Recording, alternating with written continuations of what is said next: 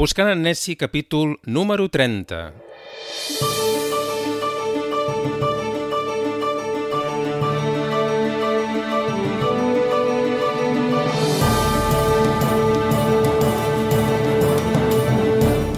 Això és Buscant en Nessi, el podcast on parlem d'Escòcia, dels seus paisatges, els seus costums i tradicions i de la seva gent. És un podcast que fem a distància, el fem entre dos, a Inverness, a les Highlands, a Escòcia i en Santi Geriot. Santi, bon dia i bona hora. Good morning.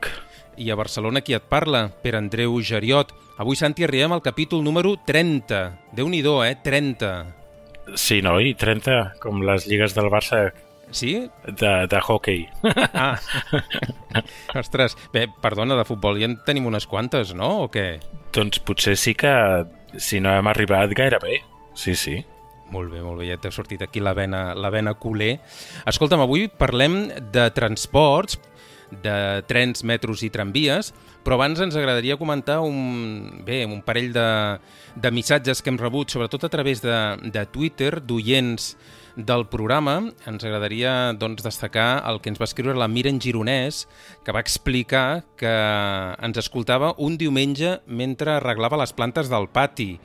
I bé, eh, és curiós això d'imaginar-te com escolta el podcast qui ens està escoltant, no, Santi? Sí, i tant.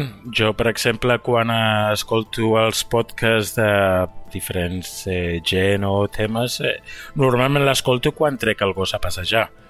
De fet, seria interessant que la gent ens, ens enviés eh, doncs, missatges eh, comentant-nos eh, doncs, eh, des d'on escolta el podcast o què és el que fa. Doncs estaria molt bé. L'adreça, recordo que és buscant en Nessi, amb totes les lletres, buscant en Nessi, arroba gmail.com o podeu deixar-nos també els vostres comentaris a través de les xarxes socials.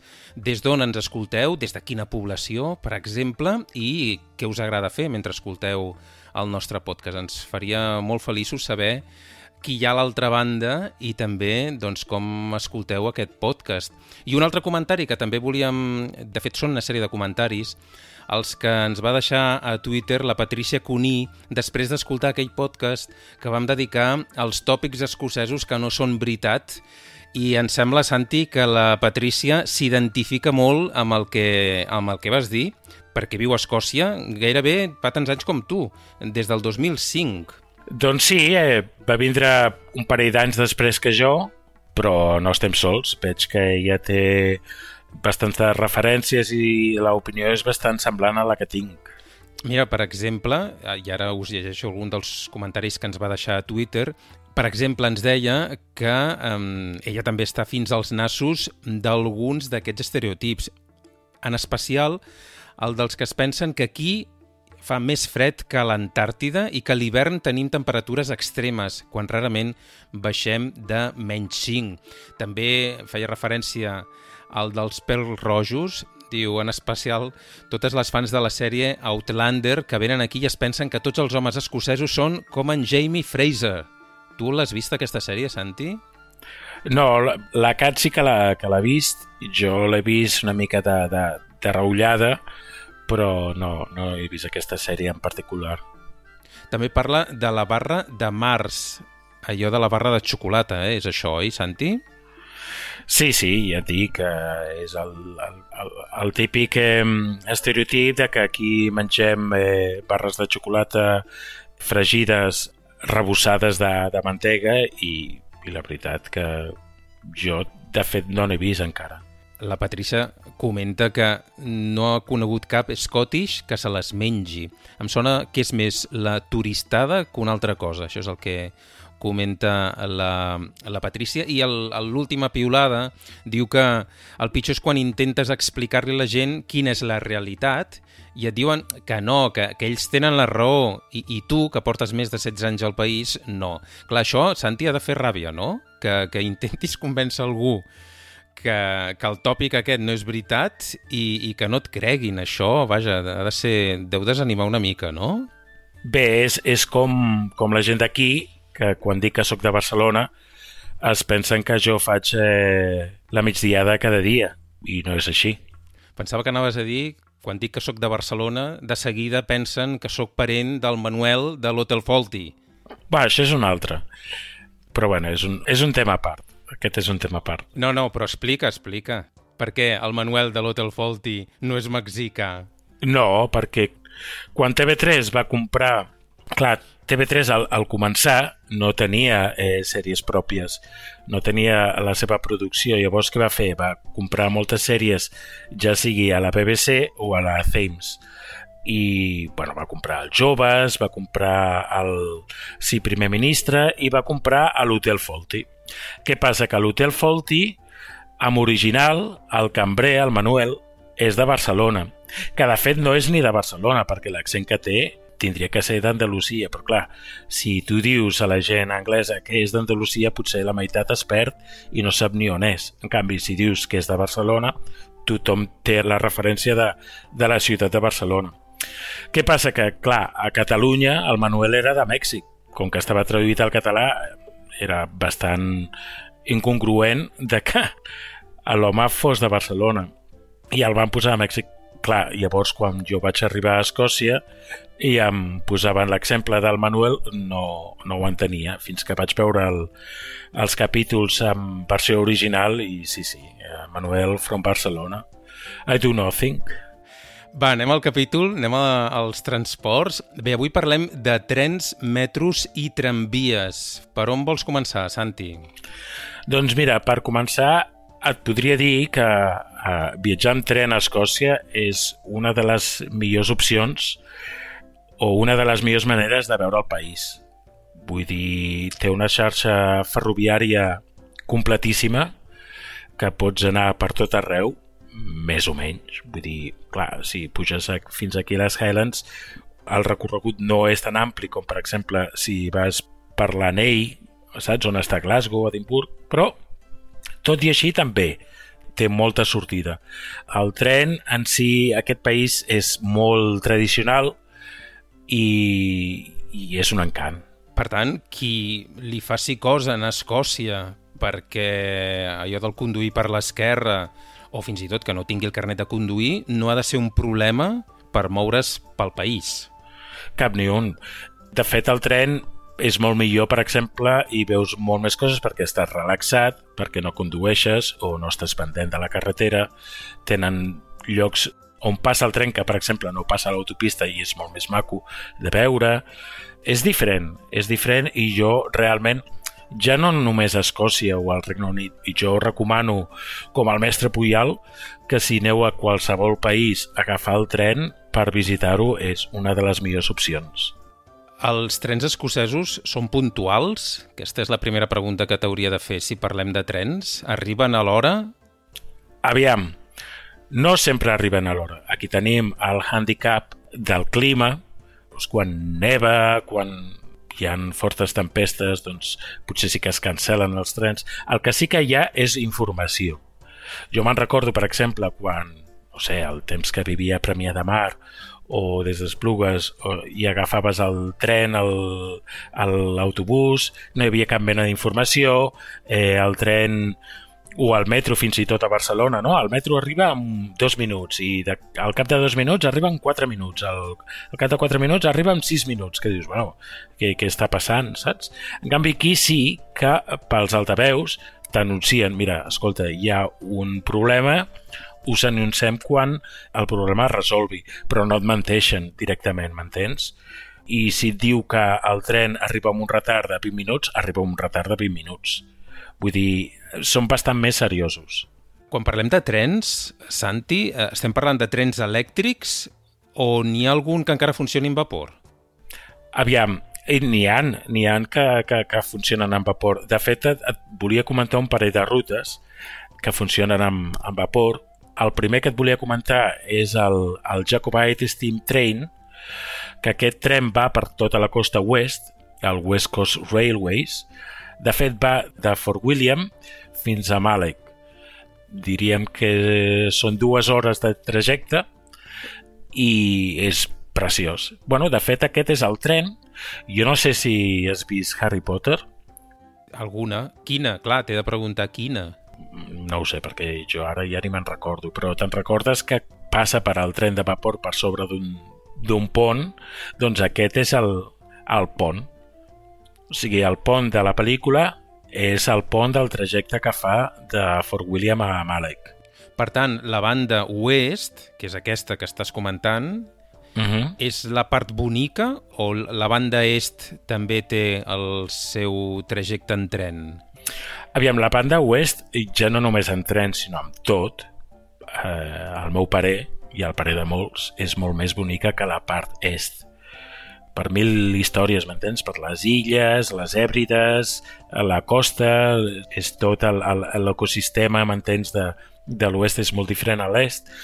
Hi ha una altra ruta, per exemple, que es diu de Strathpay Steam Railways i aquest va per les Highlands. No va per la costa oest, però va pel mig de les Highlands, que comença i acaba a Aviemore. I això és a prop vostre o no? déu nhi diguem que deu estar uns 60 quilòmetres d'on vivim ara, però aquesta ruta és preciosa també, vull dir, va pel mig de parcs eh, nacionals i és molt maco de veure. I de fet no és molt car, de fet no és gens car eh, agafar un d'aquests trens. Normalment, per agafar un bitllet adult per tota la línia, et costaria 14 lliures, però fins i tot ara amb tot el tema del Covid i, i de que intenten ressorgir totes les empreses, doncs els preus estan agafats a la meitat. Vull dir, clar, t'estic dient un viatge de més de dues hores per 7 lliures que arriben a ser res, menys de 10 euros, 8 eh, euros, doncs val la pena, val la pena fer-ho.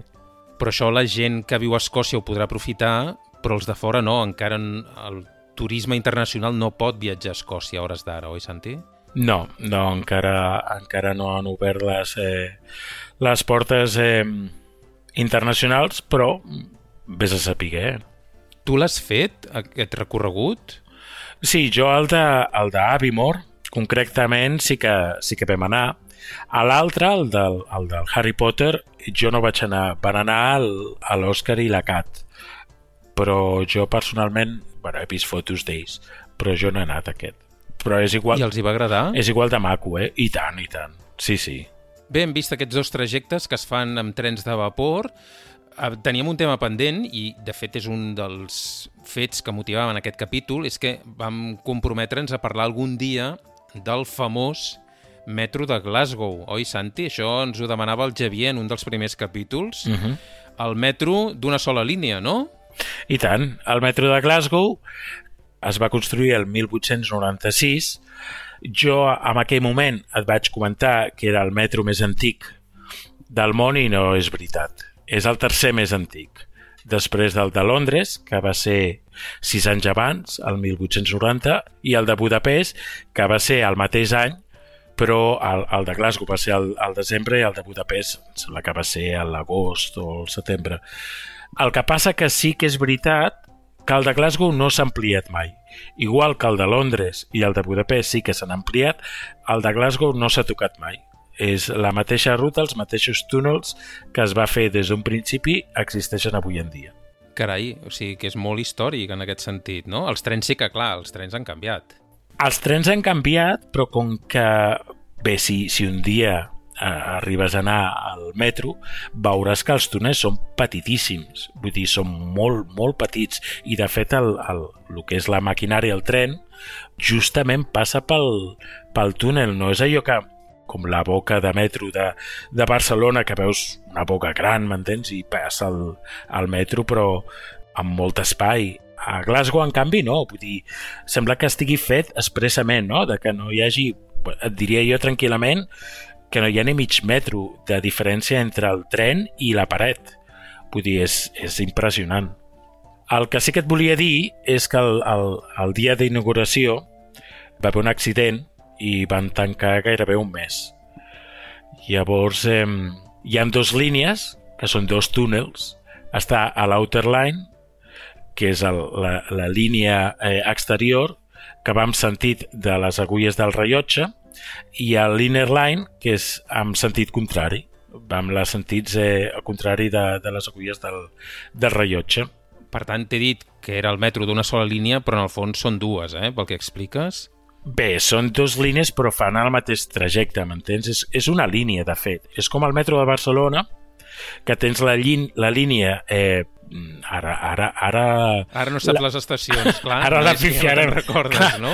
Ara anava a dir jo zona universitària Montbou, però que ja no és així, no? Ara la zona universitària no sé quin és l'últim. Mira, va, et poso dues estacions. Uh, la línia vermella seria doncs Fondo, no? Santa Coloma o, o Santa uh mhm. -huh. Coloma Badalona i a l'altra banda Bellvitge, crec. Val. Que, vaja. Doncs seria Fondo Bellvitge i tornar. Vull dir, és una línia, de fet. El que passa que hi han dos túnels. En comptes d'anar la mateixa línia amb el mateix eh, túnel, fan dos túnels petits. Però és la mateixa línia. I té moltes estacions, aquesta línia? Doncs té 15, 15 estacions, té 8 per sobre del riu Clyde i 7 per sota. Si veus el mapa, és una circunferència. Bé, una altra cosa curiosa del metro de Glasgow és, com bé he comentat, que els túnels són, són molt petits, són molt estrets. De fet, el tren de per si és molt petit. Tu no pots entrar normalment com entres a qualsevol lloc, sinó que tens que jupir. I depèn de l'ual que siguis, si estàs dret, tens que anar ajupit perquè o bé et poses al bel mig del tren o si no, clar, com que és tan curvat tens que anar mig ajupit tot el trajecte, vull dir, realment és que sembla de joguina. I és concorregut, la gent de Glasgow acostuma a agafar el metro per moure's. Doncs, aviam, sí que és concorregut, perquè la gent fa servir el metro, el que passa que, aviam, com que Glasgow té una extensió molt gran, el metro s'ha quedat petit i llavors, clar, eh, d'una punta a l'altra de la ciutat potser el metro no, no arriba i llavors el que, el que fan és agafen el tren.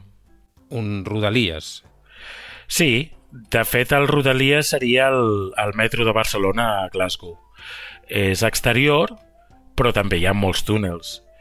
Són molt vells, de fet un, un tren de Rodalies el, el veus que, que fa anys que funciona, però en canvi són molt còmodes. Vull dir, és una miqueta també el, el, el tema britànic, no? de que eh, si funciona no ho toquis. I de fet, els trens són molt còmodes, tenen, per exemple, quan seus, no és el com els rodalies de Barcelona que seus amb, amb una cadira de plàstic. No, són còmodes, estan forrades de pell, són fins i tot més còmodes que les cadires de cine.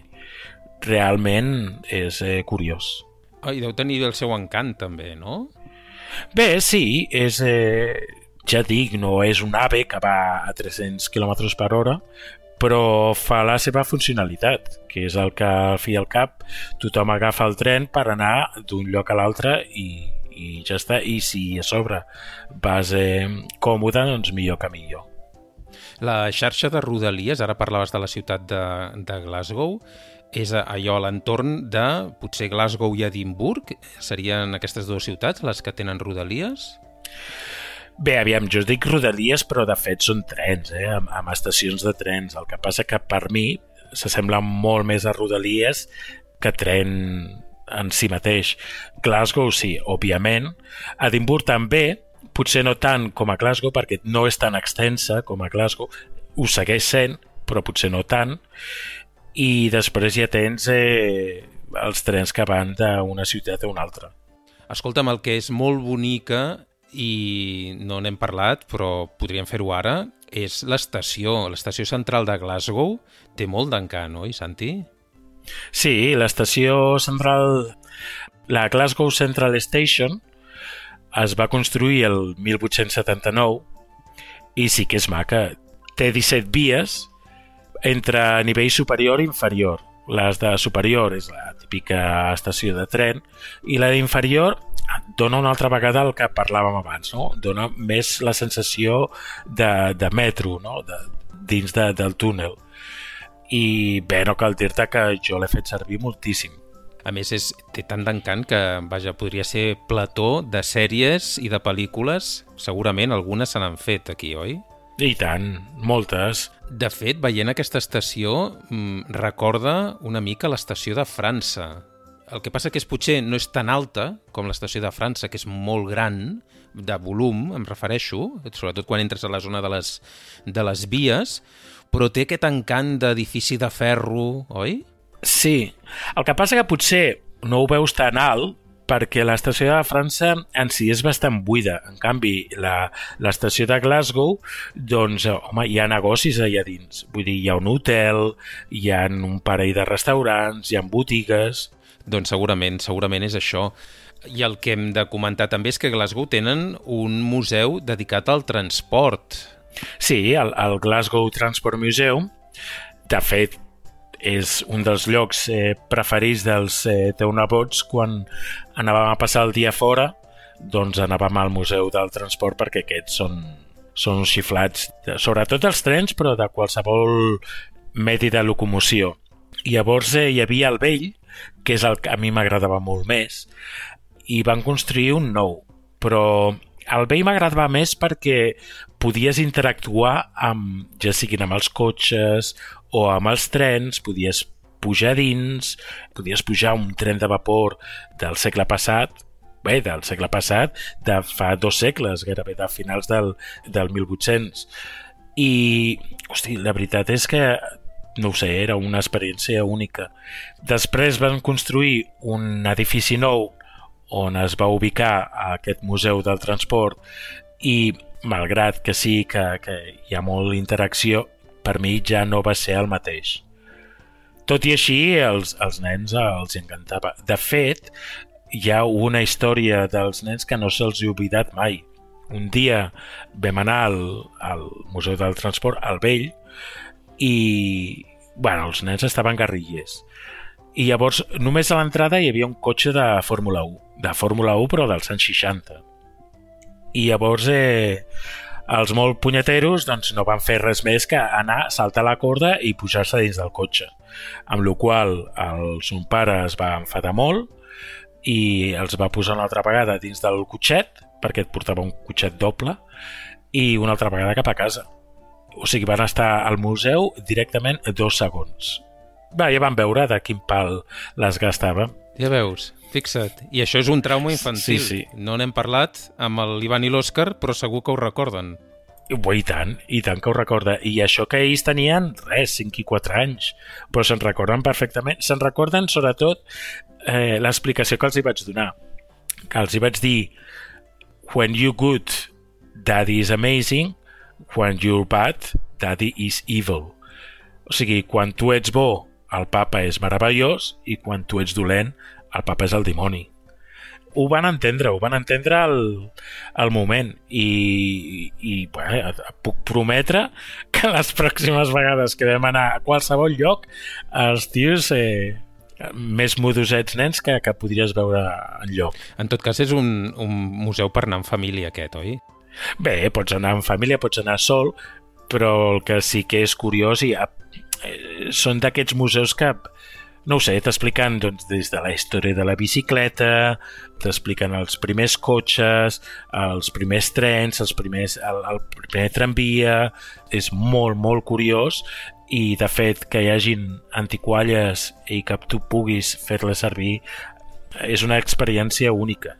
Fa un moment parlaves de l'estació de Glasgow, l'estació central de Glasgow, una estació de tren que realment val la pena de visitar, que és molt bonica, però a Inverness com aneu d'estacions? N'hi ha una, no?, d'estació de tren. El tren arriba a Inverness. Sí, tant. De fet, l'estació d'Inverness és fins i tot més antiga que la de Glasgow Central Station. És, bé, diria jo que ben bé 20 anys més antiga. És del 1855 òbviament és molt més petita, té set vies, totes a dalt, no hi ha cap mena de vies eh, sota terra. El que sí que et puc dir, per exemple, que el, el tren va directe a Londres, que si vols anar en tren és el viatge més llarg que pots fer, d'Inverness a Londres, que és d'una punta a l'altra del Regne Unit. Però dius que va directe a Londres, però també fa altres recorreguts. Exacte va a Glasgow, va a Edimburg, va a Aberdeen, va a Manchester, però hi ha un que diríem que és a l'AVE d'aquí, que va directe a Londres, diria jo que triga 5 hores. i em sembla que té tres o quatre estacions. I casualment una és a casa dels sogres. Què dius ara? Paren allà? Sí, nois. A Manchester. Quina, sí, quina sort, eh? Quina sort. Sí. Aquí, no, ni a Manchester, a Crewe, que encara està més a prop. Els pares són de Manchester, no ben bé de la ciutat de Manchester. Digués que és eh, Barcelona i Mataró, no? Ells serien més de Mataró. Doncs l'estació està, re, a, a 15 quilòmetres d'on viuen ells. Ara feia referència al tren d'alta velocitat. És aquesta línia o n'hi ha alguna altra?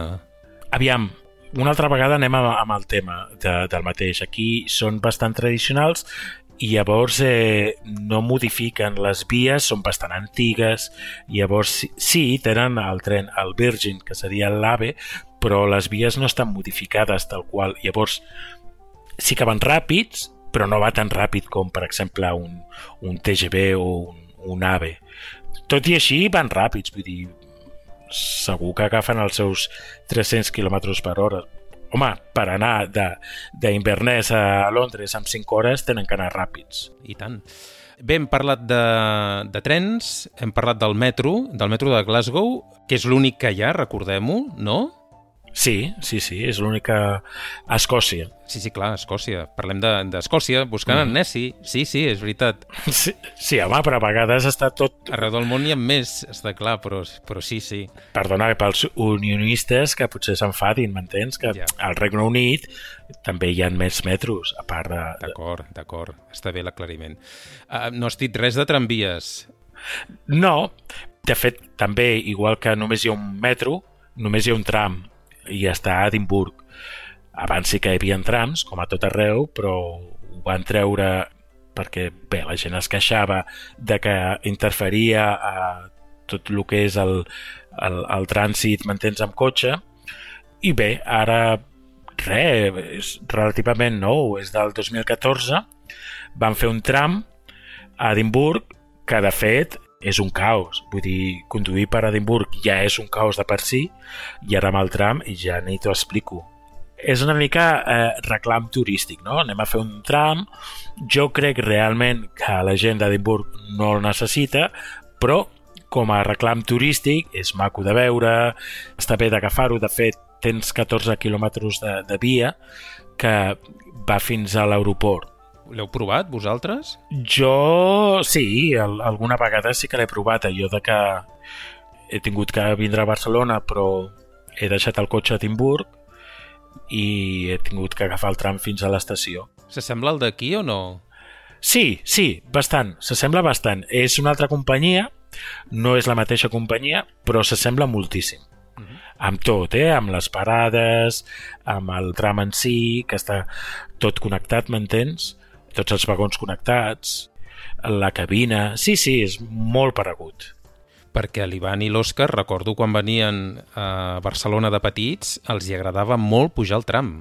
Sí, bé, el tram, el metro, el Rodalies, el, els de la Generalitat, el funicular, qualsevol cosa que es movia. De fet, jo me'n recordo quan, per exemple, us anava a veure d'Esplugues al Clot o anar a veure a la mare a la residència, que de fet atravessàvem tota Barcelona, era el fet d'anar a viatjar on els hi motivava més. Una vegada arribàvem al lloc, estàvem més pendent de quan sortíem una altra vegada, de, de fet, coi, mira la teva família, saps què vull dir? Però sí, eren... Buah, estaven encandilats amb el tema de, del transport a Barcelona. Estem arribant al final d'aquest capítol, però abans podríem comentar allò del, del rellotge de l'hotel Balmoral. Ara ens situem a Edimburg. Mm. Què li passa en aquest hotel i en aquest rellotge? Que això és com una tradició, no, Santi? Bé, sí, és, és una mica curiós, no? I és, és, de fet és una mica còmic i tot. Aquest és un hotel a sobre de l'estació eh, principal d'Edimburg i marca eh, concretament 5 minuts abans de l'hora. O sigui, si per exemple són les eh, 3 en punt, doncs el rellotge marca les, a les 3 i 5. I per què es fa això? Doncs senzillament perquè la gent no faci tard a l'hora d'agafar el tren. Hi ha només una excepció, que és el cap d'any. a l'hora de tocar les eh, 12 campanades, doncs llavors sí que va l'hora. Però és l'únic moment en tot l'any que va a l'hora, aquell rellotge. Això és curiós, eh? Sí, sí. I a més és, és, és una tradició que, que porta anys ja fent-se. Sí, resulta que, mira, potser eh, durant molt de temps la gent feia tard perquè apurava fins l'últim moment i és, no sé, potser ho han, ho han estudiat i han vist que funciona.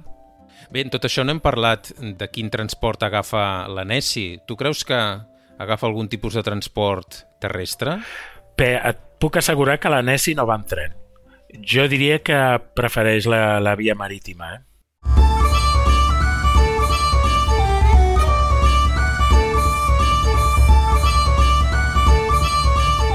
Fins aquí el capítol número 30 de Buscant en Nessie, el podcast sobre Escòcia, els seus paisatges, la seva cultura i la seva gent.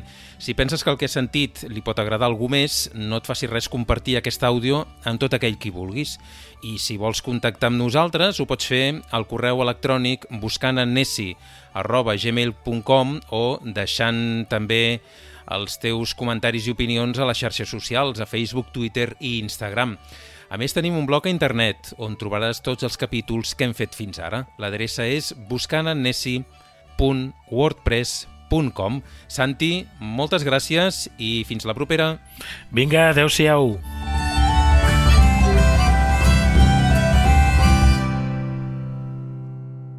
Però l'ha vist algú, el Nessi?